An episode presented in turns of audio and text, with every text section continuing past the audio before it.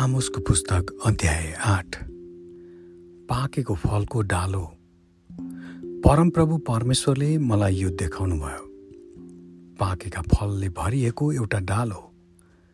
उहाँले मलाई सोध्नुभयो आमोस त के देख्छस्? मैले जवाफ दिएँ पाकेको फलले भरिएको एउटा डालो। तब परमप्रभुले मलाई भन्नुभयो मेरो प्रजा इजरायलको लागि समय पुरा भएको छ। म अब तिनीहरूलाई छोड्ने छैन। परमप्रभु परमेश्वर भन्नुहुन्छ त्यस दिन मन्दिरका गीतहरू रुवाबासीमा परिवर्तित हुनेछन्। लासहरू चारैतिर फालिनेछन्। चुप लाग। हे कङ्गालीहरूलाई खुट्टाले कुल्चनेहरू र देशका गरिबहरूलाई हटाउनेहरू हो सुन।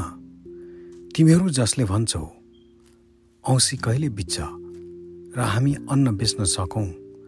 अनि सवाद कहिले समाप्त हुन्छ र हामी गहुँ बेच्न सकौँ?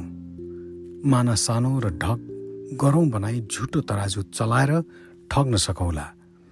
गरिबलाई रुपैयाँ र दरिद्रतालाई एक जोर जुत्तामा किन्न सकौँला। कसिङ्गरसहित गहुँ बेच्न सकौँला। याकुबको गर्वमा परमप्रभुले यसो भनेर शपथ खानुभएको छ। म तिनीहरूले गरेका कुनै पनि कामलाई कहिल्यै बिर्सने छैन।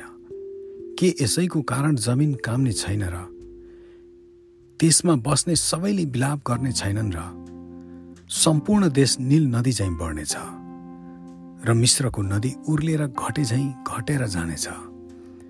परमप्रभु परमेश्वर भन्नुहुन्छ त्यस दिन म सूर्यलाई मध्य दिनमा अस्ताइदिनेछु र उज्यालो हुँदै पृथ्वीलाई अध्यारो पारिदिनेछु। म तिमीहरूका धार्मिकता चाडहरूलाई बिलाप र तिमीहरूका सबै गीतहरूलाई रुवाईमा परिणत गरिदिनेछु। म तिमीहरू सबैलाई भाङ्रा लाउन र कपाल खौरन लगाउनेछु। एउटै मात्र छोराको निम्ति बिलाप गरे झैँ त्यस समयलाई तु ल्याउनेछु त्यसको अन्त्य तितो हुनेछ। परमप्रभु परमेश्वर भन्नुहुन्छ यस्ता दिनहरू आउँदैछन्। जब म देशमा अनिकाल ल्याउनेछु जुन चाहिँ न त अन्नको अनिकाल न पानीको तिर्खा हो तर परमप्रभुको वचन सुन्ने तृष्णाको अनिकाल हुनेछ।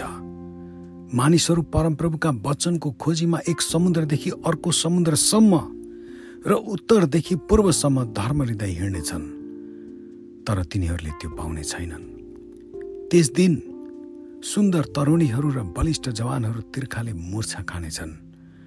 सामरियाको शर्मको नाउँमा शपथ खाने अथवा हे दान तेरो देवता जीवितै भए झैँ वा बेरसेवाको देवता जीवित भए झैँ भन्नेहरू सबै लोट्नेछन् र फेरि कहिल्यै उठ्ने छैनन्। आमेन।